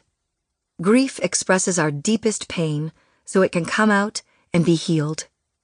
Elisabeth Kubler Ross says that we go through five stages of grief when we experience a great loss denial, anger, bargaining, depression, and acceptance. In actuality, we circle through these feelings round and round as we heal and slowly come to terms with the truth that our lives are changed forever. Owning and expressing your grief allows you to be aware when you are hurting, angry, and in denial. There is much you can do to heal these feelings as they emerge. It's also helpful to be aware of when you are bargaining with yourself and trying to go back to how things were, which leads you back into the pain. As you lose hope, it can be good to know that your feeling of depression is actually an opening to the possibility of acceptance. In our very fast, hurry up and get over it culture, there is an assumption that grief should last a couple of months and be over. However, it is important to keep in mind that you're mourning many losses when your relationship ends with a narcissist. You've lost a spouse, lover, partner. You've lost the dream of what you believed your life would be like with that person. Your self esteem has been damaged as a result of the blaming and devaluation by the narcissist. You've probably lost property, money, and financial stability. Your confidence and sense of worth have been shredded. You may have lost half of the time you used to spend with your children. You've lost your relationship goals. And in addition, the narcissist is probably still hanging around, threatening to make your life miserable. Dealing with denial. When you've been a caretaker for so long, it's often hard to admit to yourself and others the full extent of the harm you've suffered in your relationship with the narcissist. You're more comfortable paying attention to the narcissist's pain or the effort and promises he's making. You want to keep hoping that if the narcissist just gets help, things will turn around. Exploring your own pain, counting up all that you have lost, and really admitting that you have been abandoned can seem embarrassing and too painful. Your tendency to take all the blame for the failure of the relationship onto yourself may make it harder for you to acknowledge the deep injuries you have sustained. Acknowledge the harm that was done. You are not to blame for the way the narcissist treated you.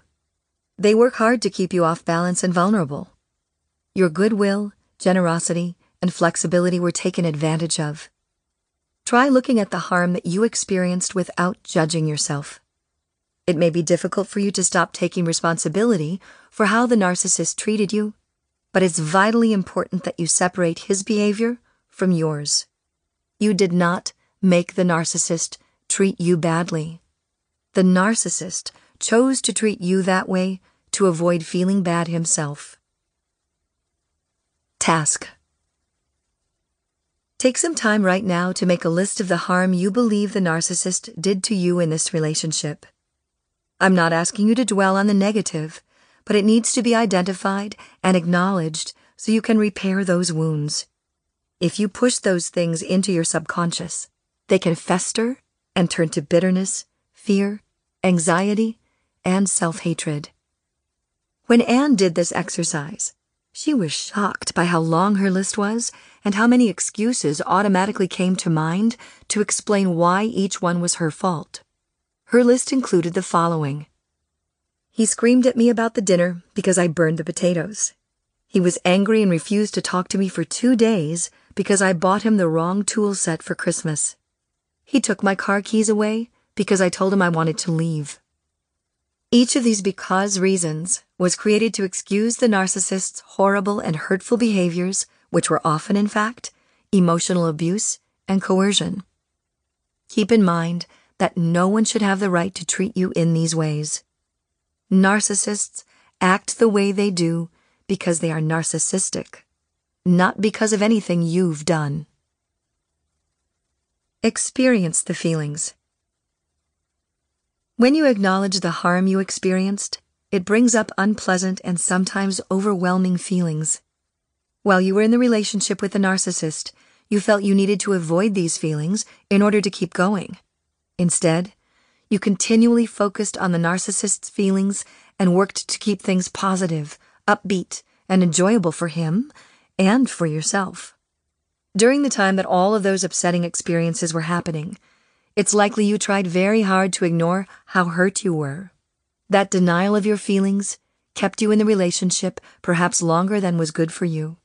It also kept you from really seeing, feeling, and being aware of the reality of your abusive situation. Task Take some time now to acknowledge your own feelings of hurt, pain, distress, frustration, loss, emotional injury, and whatever else comes up for you. List your feelings as accurately and specifically as possible. In the next chapter, we'll use that list for an exercise of healing and repair. For now, just observe and allow those feelings to be present. Honor each one for helping you understand and become more fully aware of what you've been through. This can facilitate your learning to appreciate your strength, loyalty, determination, and stamina. You stayed, you worked hard, and you devoted yourself to trying to heal and repair this relationship as long as you possibly could. You need to respect those strengths inside yourself and your courage to give so fully and unselfishly to another person. Opening to anger. Anger is normal. Of course you're angry. Caretakers are more willing to feel hurt and sadness than they are anger. Anger is extremely important in the healing process. It's a natural response to being harmed, to having your boundaries trampled, and to being controlled and used by others for their own purposes. Your needs, wants, preferences, feelings, opinions, and choices were ignored and invalidated by the narcissist while he discounted and stomped on your identity and self esteem. You should be angry.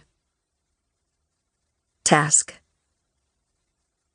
If you have a hard time accessing your anger, imagine yourself when you were three or four years old. Find a picture of yourself at that age and look at that sweet, open, innocent face. You are the protector of that child who still exists inside you. Now think of the things the narcissist said and did that hurt you.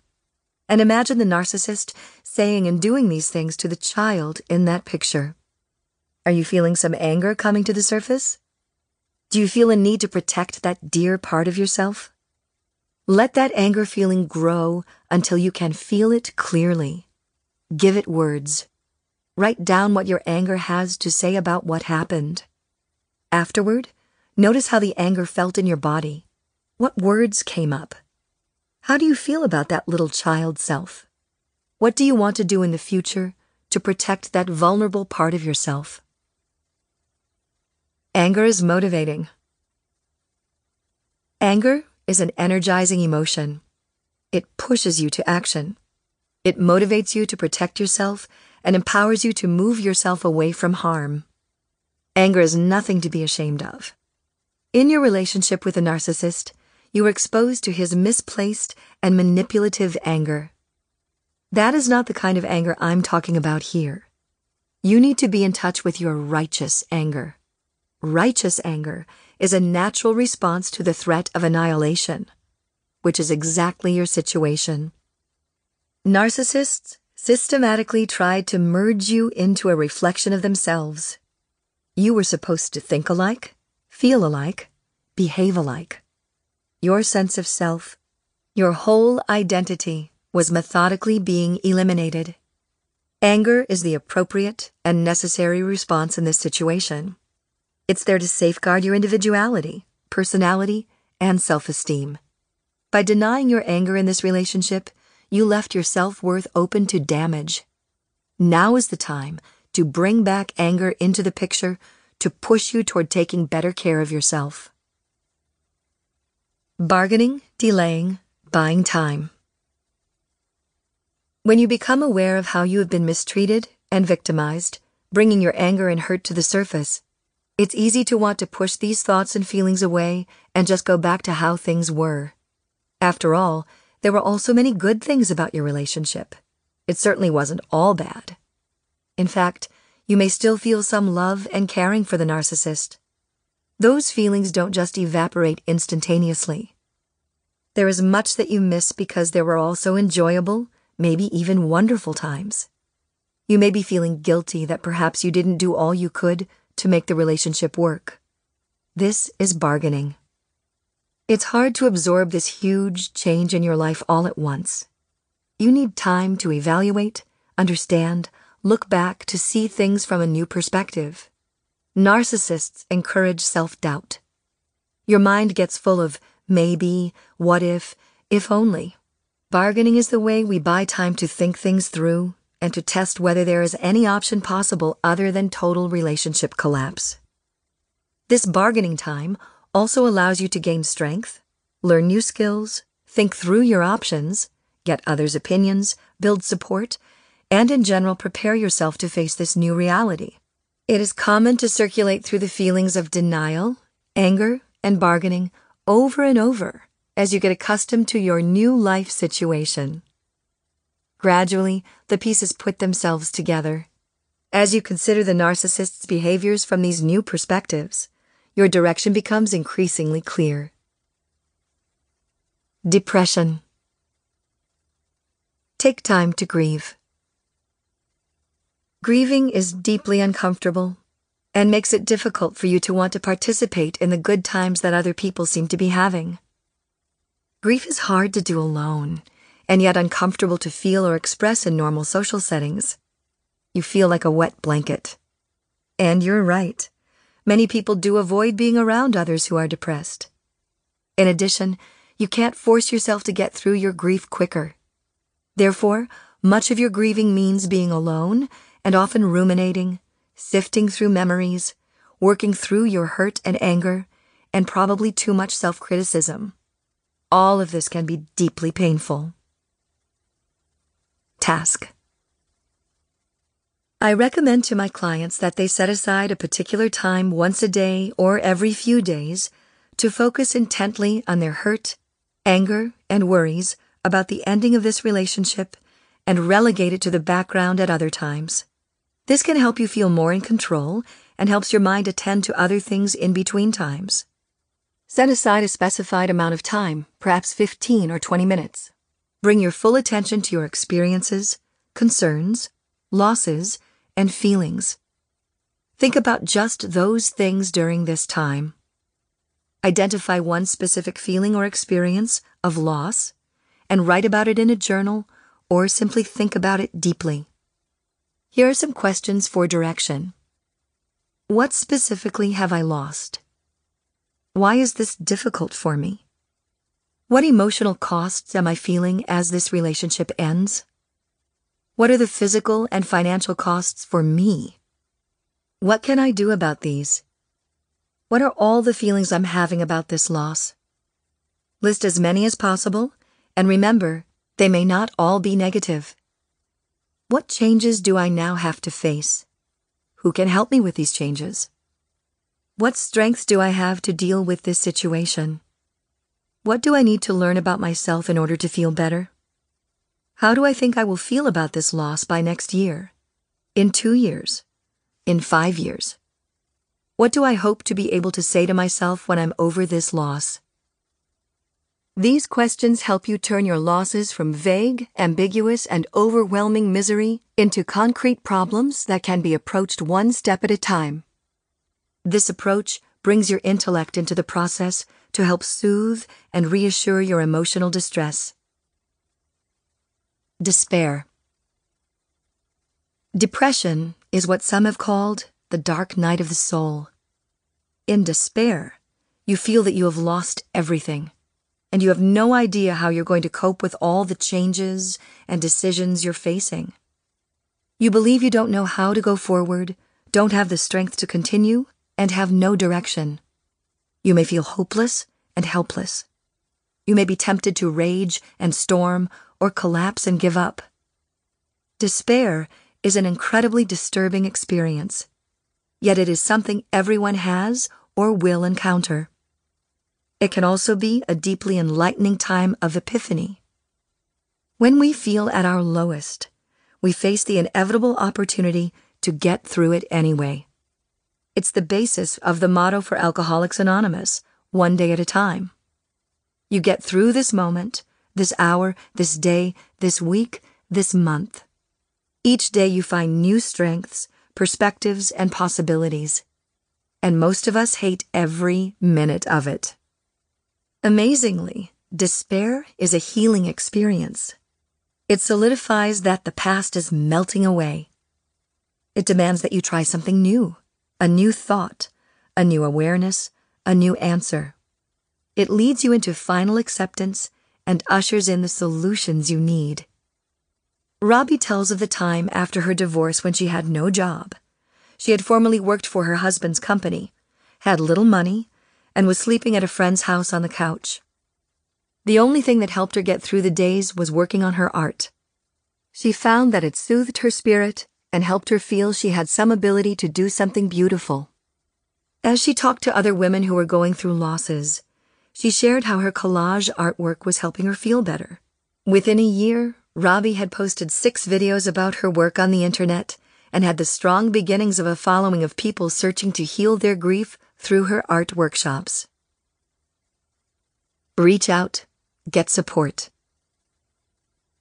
Grieving can be extremely lonely, and most of your friends and family become tired and ready to move on well before you have reached the end of your heartache. If you haven't done so before, now is the time to reach out for expert and specialized support a therapist, a divorce recovery group, or a spiritual advisor. Although it can be difficult to ask for help, Remind yourself that getting out of a narcissistic relationship is a more than average traumatic experience. It's hard for anyone to get through it without the extra encouragement, assistance, and real understanding from people who are trained to recognize and treat the mystifying emotional disability of narcissism. This is also a good time to look deeply at the skills and tools you may need to overcome your tendency to be a caretaker. What keeps you so hyper aware of another person's pain and so inattentive and unresponsive to your own? Why are you willing to suffer and yet you can't stand it when others feel even the smallest disappointment? Do you have only a few or a great many caretaking behaviors? This is a good time to learn how to better balance your needs with those of the ones you love. Be patient. Remember that grieving takes time the time it takes you to get through this can't be compared to anyone else's. Be kind to yourself in this process. Treat yourself lovingly and with compassion. Put aside your self criticisms and think about how you would treat a dear friend going through this same kind of loss. What would you say to her or him? Say those things to yourself over and over until you truly feel nurtured and cared for. Acceptance. Being present. Thinking through the experiences you've been through with a narcissist can be helpful to understand the strange and crazy making interactions. However, hard as it may seem to pull yourself away from the past, your life is lived in only the present. And yes, the present can seem too scary to face. You thought you had everything planned and knew the direction you were going in life. Now everything is in a jumble and your plans have disintegrated.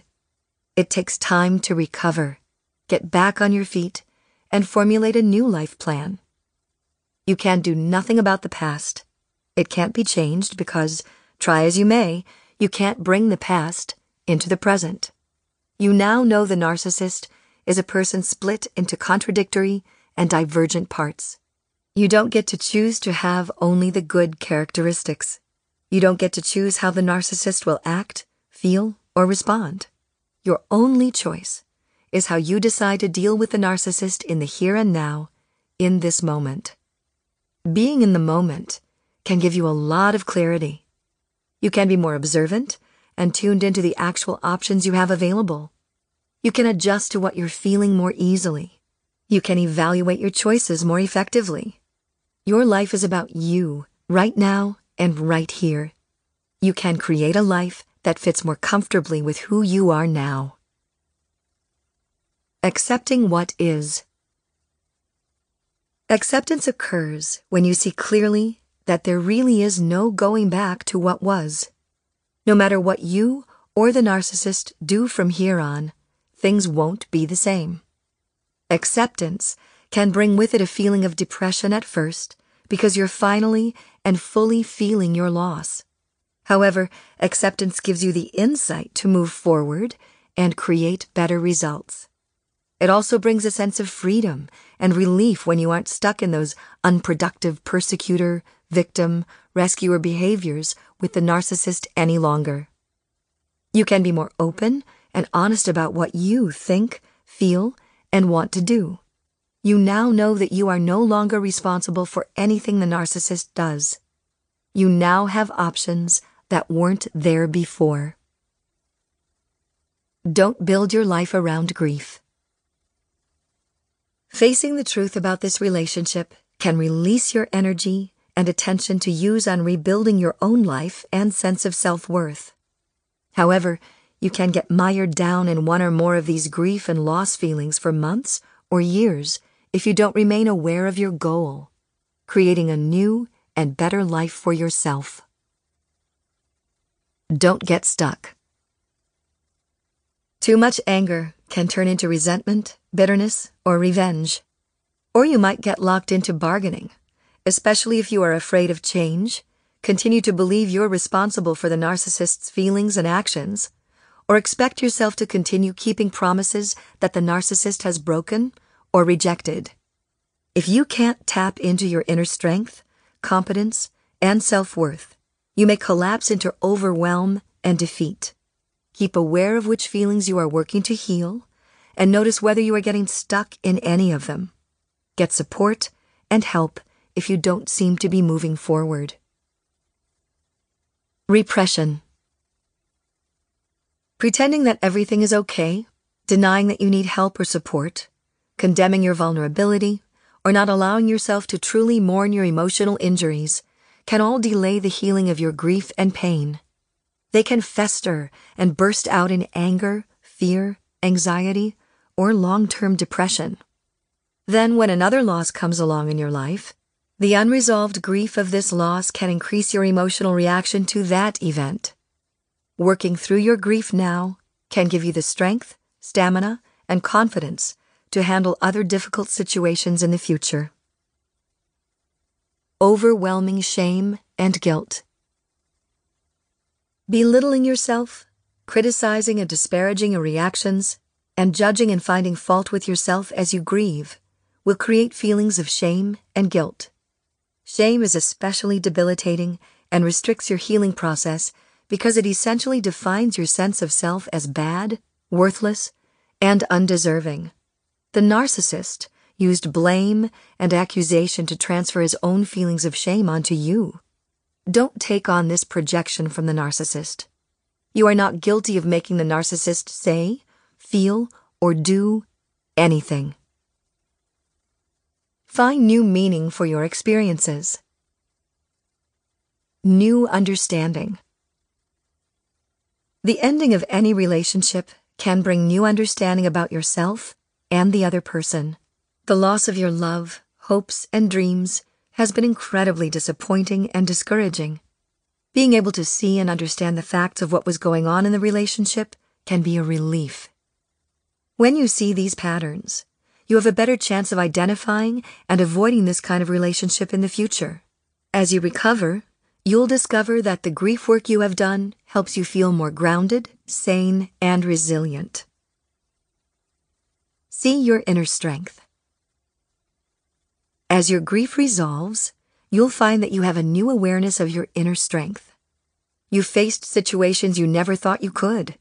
You learned new skills and responses that have given you a greater sense of confidence. You're more perceptive and savvy. You're less often surprised and more prepared to handle difficulties that arise. You're more in tune with your values, preferences, opinions, feelings, and rights. These may be strengths that you didn't know you had before this loss. Increased humbleness. You've also learned that you can be deeply hurt. You can't heal the narcissist, and you can't do everything on your own. You're imperfect, you're not invincible, and you need help from others. You're vulnerable, and yet the earth didn't disintegrate. You found out you could actually handle more than you thought. You now know concretely how many people love you. Your life is continuing on, and surprisingly, even getting better. Remember that a crisis includes danger, and this has truly been a dangerous passage. It also includes opportunity. As you emerge from your grief, you'll see your abilities in a new light. Knowing your frailties and limitations and going past them builds confidence. As you solve one challenging problem at a time, you gain appreciation for the fact that life is difficult, but can be managed. You've become seasoned, experienced, less naive, more discerning, and compassionate toward yourself and the struggles of others. Questions for reflection. Which feelings of grief are you experiencing presently? Which feelings are most challenging? Who have you reached out to for help? Who else could you reach out to? If you are feeling stuck, what do you think you need to help you move on? What will indicate to you that you have reached acceptance? What emotions are you becoming more comfortable with? What have you learned about yourself in this process of grief? What do you think you still need to learn? What new meanings and sense of yourself are you noticing? What strengths are you developing? Chapter 9 Healing Self Esteem. If you feel lost, disappointed, hesitant, or weak, return to yourself, to who you are, here and now, and when you get there, you will discover yourself, like a lotus flower in full bloom, even in a muddy pond, beautiful and strong. Masaru Emoto. Your thoughts and judgments about yourself and your situation along with the resources you have available, are actually more important than the event itself. This chapter shows you how to repair the way you look at yourself and your situation, restore your confidence in yourself, and regain well being, strength, and motivation. Healing your damaged self. You are not the cause. You thought the narcissist was going to make your life wonderful and now you have found out it was just the opposite. You can probably still remember the good times, when you felt everything going just right and you were the sole focus of the narcissist's attention. That was a heady feeling, even addictive. But the narcissist has two sides, and now you are facing the other side. You always get both. You did not cause the narcissist to idealize you, nor did you cause the narcissist's current hostility blame, and rejection. Those behaviors are entirely under the control of the narcissist, not you. Stop, right now, taking any responsibility for the narcissist's actions. Begin paying attention to your own behaviors and focus on making choices about what you need and want to do to make your life better. Taking action helps you move out of the feeling of being a victim. You don't have to be a victim. Even though you have been victimized by the narcissist, you don't have to feel or act like a victim. If you change the label of victim to the word disappointed, it's amazing how much this changes how you think about your current situation. When you identify yourself as a victim, you end up feeling hopeless and helpless. You tend to focus only on your pain, discounting your strengths and overlooking the people who love and care about you. You feel like giving up. You feel singled out and somehow a failure. When you identify your feelings as disappointment, it helps you define your situation in a way that you know you can handle. After all, who hasn't been disappointed? You've coped with disappointments before and gotten over them. This may be a much bigger disappointment, but really, you are just having to make changes that you don't like and that don't fit with what you thought would happen. That is disappointment. Here are some examples. Failure. I'm a failure at relationships. Disappointment. This relationship didn't work out the way I expected. Failure. No one will ever love me again. Disappointment. I'm sad that John doesn't love me, but I know my friends and family love me. Failure. Here I am alone again. What a failure. Disappointment. It's a real setback that the relationship I counted on is over. I really didn't want this to happen. It is hard to rebuild your life when you see yourself as a failure. It leaves you with no hope. On the other hand, seeing this experience as a disappointment inspires you to think of the bigger picture of your life. You can see yourself more as a whole, and your experiences are just a part of that whole. It's easier when you remember that there are other people who love you, care about you, and support you. You have skills, traits, and abilities that you can use to restore your life. Seeing this event as an unwanted change, rather than as a disaster, can spur your creativity and problem solving abilities to jump in and start responding. Give yourself compassion. You're not a bad person, nor are you stupid or wrong because this relationship has ended. Nearly 50% of all marriages in the United States end in divorce. Surely you wouldn't label every one of those people as negatively as you're labeling yourself. You'll improve your self esteem immeasurably by being more compassionate toward yourself. Talk with yourself the way you would to your dearest friend if she or he were going through this same experience. What would you say to ease the pain? What words of encouragement would you give? You wouldn't be threatening, accusing, blaming, or self righteous. Stop all these forms of self judgment. Negative self attacks are leftover repeats of what the narcissist has said to you. Letting go of the narcissist includes letting go of his invalidations and consciously choosing to treat yourself in a more loving and considerate manner. Soothe your body. Underlying your grief are body sensations and raw emotions that actually cause pain, fatigue, low energy, and apathy. When you go through a wrenching experience, your body can become achy, tense, and jumpy, making it difficult to eat, sleep restfully, or recover from feeling continually exhausted. If you don't take care of your body's responses to all these stresses, it can become vulnerable to migraines, intestinal upsets, backaches, and even more serious ailments, such as autoimmune responses and depression. Don't overlook good physical care. Identify your favorite, healthy foods and make sure you always have them on hand. If you're feeling angry, hard, crunchy foods can help you feel better. If you are hurting or feeling low, soft, smooth foods can be comforting. Consciously consider the foods you are eating and choose ones that make you feel good. Linda lived on shrimp for a month after her divorce. Henry chewed through two pounds of carrots and said it honestly helped relieve his anger.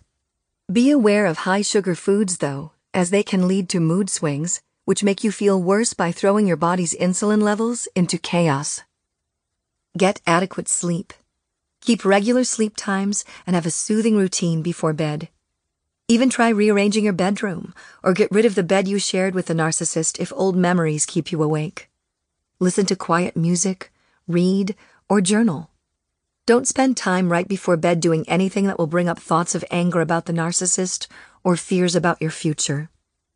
Spend time on regular relaxing routines for your body. Get a massage. Spend time in a hot tub or sauna. Take a hatha yoga class. Take time to stretch your muscles several times a day. Anger, fear, and sadness all tend to trigger muscles to tense. When you are tense, your blood flow is compromised, and you'll have trouble thinking and will tire more easily. Exercise is one of the cheapest and most effective ways to deal with depression, anxiety, and worry. Anytime your body is moving, stretching, and active, you'll feel more capable, hopeful, confident, and less pessimistic. Find a form of exercise you particularly like. Going to a class or having someone to exercise with can help motivate you to keep at it. You need your body and mind to function as well as possible as you face these changes and make decisions about what to do next in your life. Unfortunately, when you feel the worst, it can be the hardest time to treat yourself with kindness and compassion. You may think you're too tired to exercise but take it slowly and move your body any way you can, even just a walk around the block. As you feel better physically, you'll also feel better mentally and emotionally. When you take good care of your body, your brain registers that you are worthy, valuable, and important. This is a good start to enhancing your self esteem. Reach out to others. A big part of self esteem is based on the way friends and loved ones act toward you. How they treat you, describe you, and interact with you can have a great effect on how you feel about yourself. Because you have just come out of a relationship that was extensively based on the narcissist's warped and hostile view of you, it's essential that you get feedback about who you are from more emotionally healthy people. Task Think about which of your friends, family, and acquaintances are the most objective, realistic, and overall kind, and reach out to them. Spend time with them. Notice how they treat you and how you feel around them. If you've got the courage, ask some of them for feedback about how they see you. Have them write down the qualities and traits that they see in you. You could also ask for a list of your strengths and even a list of the things you need to develop, correct, or learn to handle better. Oftentimes, the people who love and care about you are just waiting for a sign from you that you'd be receptive to their assistance and support. You may think you don't need a support group, that what you are going through is private, and you can or should be able to do it on your own. However, we humans need each other for support and emotional tending when we go through difficult and painful experiences. Exclusion, shunning, and solitary confinement are the most powerful punishments there are for humans. You've been too isolated. To heal, you need to be around people. Being socially connected to other people builds up your self esteem. When you're around people who accept and appreciate you, your healing will move along more quickly. Self encouragement. The narcissist continually spent time telling you what you didn't do right, and it's likely that those messages are still playing in your mind. It takes conscious effort and attention to change these messages. You can't just push them away. You have to actively dislodge them with positive encouragement and reassurance. It always feels good when others are the ones giving you that encouragement, but someone can't always be by your side. You're the only person who is always there, so you're the best one to take on the role of encourager. When you're afraid, discouraged, and feeling alone, it can be difficult to face all of the changes and losses you're experiencing. The next step is to figure out what feelings you would like to have instead, and then develop the strength to realize them. That strength is fostered primarily by your own self encouragement and advocacy. What you say to yourself is vitally important. You may not have been paying much attention to your own inner monologue, so start noticing now how you talk to yourself. Do you talk to yourself as you? For example, you should, you can't, you are? This will create a sense of discouragement. It feels like someone outside of yourself passing judgment or controlling you. By making two small changes, you can start increasing your self esteem and courage. Change you to I and make the action positive instead of negative. Start saying, I want, I can, I am. Here are some examples. Discouraging. You have to make the bed. Encouraging. I want to enjoy a clean house, so I'm going to make the bed. Discouraging. You should make that call to Ted. Encouraging. I want to get this call over with so I can relax. Discouraging. You can't get all of this done. Encouraging. I can take one thing at a time. Discouraging. You know you are likely to fail. Encouraging. I can give this a try. Discouraging. You are so stupid. Encouraging. I am capable of doing what I need to do. Discouraging. You are a loser. Encouraging. I'm kind and considerate. Changing what you say to yourself and how you treat yourself is the quickest way to grow your self esteem. Give yourself time. Healing a damaged self esteem takes time and effort. The longer you are in the relationship with the narcissist, the longer it may take. Emotional and psychological change isn't a quick fix. Just like building muscle strength, it takes practice to change these old habits and internal messages. Think about building your inner self encourager the same way you see going to the gym to build your body. Get into a routine. With consistent effort and attention, the results will be well worth the effort. Questions for reflection. What feels different when you say, I'm a victim, versus saying, I'm disappointed? How do you give yourself compassion? Who else is compassionate toward you? How are you nurturing and healing your body? What else could you do that would be healing? What challenges do you face when reaching out to others? What are your most comforting self encouragement statements? Talk to yourself from I rather than you. What do you notice?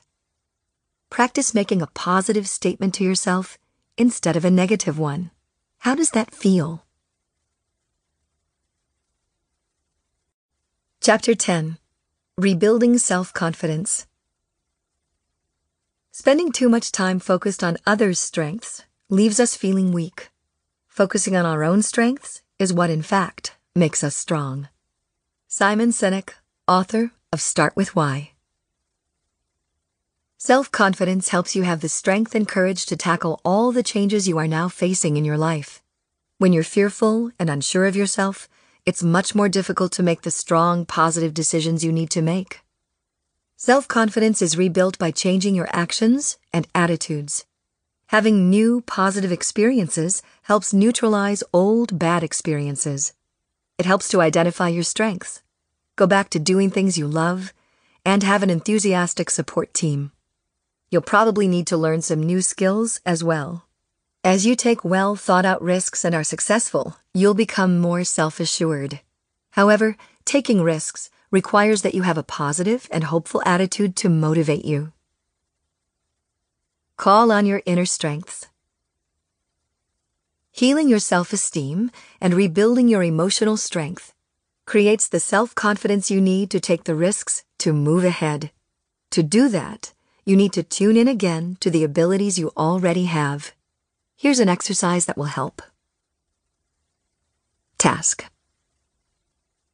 Make a list of your strengths and talents. Recall your childhood and adolescence and remember things you learned to do then. Add them to the list. Include interpersonal abilities such as being a good friend, loyalty, caring, and helpfulness, as well as concrete skills such as good cook, handles finances well, good organizer. These don't have to be things you are excellent or perfect at doing, just things you are capable of doing. Now, make a list of things you've liked and enjoyed doing over your lifetime. Again, these don't have to be things that you are good at. Notice where the two lists overlap. These are your strengths. Add to these lists whenever you notice new interests and abilities. Acknowledging these strengths will help you be more courageous, capable, and able to handle difficult situations. Keep it posted somewhere as a continual reminder of who you are and what you have to offer to others, to your friends and family, and to the world. It may be easier to see your faults or failings, but focusing on those right now won't help you make headway in your healing. Keep your attention on the positives, and your confidence will grow.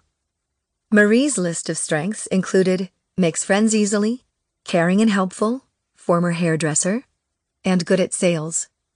Her list of the things she liked included helping others, loves dogs, enjoys talking with people, and likes to be busy. There were other things on her list, but these were the items that came together for her when she was trying to figure out what to do with her life. She had just gotten divorced, and after being out of the workforce for over a decade raising her kids, she needed to find a job. She spent several months feeling depressed and lost. She didn't want to go back to being a beautician, too many hassles working with people who were touchy about how they looked. After making her list, Marie realized that her love of dogs and enjoyment of cutting hair could cross paths. She went to dog grooming school and is now delighted with her new job working with dogs and talking with their owners in a small dog grooming salon just down the block from her own home. Give yourself credit. It also helps your self confidence to tell others about your successes and what feels good about your accomplishments. This gives you the opportunity to receive encouragement and support. Reciting the incident and how you handled it also helps you anchor it in your memory. Instead of mulling over past upsetting events with the narcissist, take time to deliberate on your successes, your courage, and your perseverance.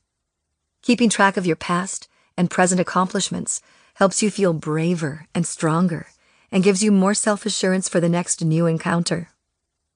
People who have caretaker tendencies often find it uncomfortable to share their successes with others, despite the benefits, because they believe they're bragging or begging for attention just like the narcissist.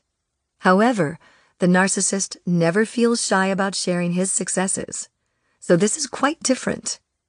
You deserve to get credit and support from others, and it helps balance all the support, encouragement, and optimism you give to them. Give yourself encouragement. Your attitude, thoughts, and self talk have a significant influence on your self confidence. Remember the little engine that could kept saying to himself, I think I can, I think I can. There are a multitude of tasks and decisions facing you as this relationship ends. You can face them with fear, anxiety, and the belief that your life is collapsing and unrepairable, or you can identify what needs to be done, ask for help, and take each problem one at a time. When you encourage yourself, you'll be less afraid. Remind yourself that hundreds of thousands of people dissolve relationships every year. You are not alone. You can get assistance, and you will get through this experience. Even if you can take only one step each day, you're still advancing. Collect a group of supporters. Feeling support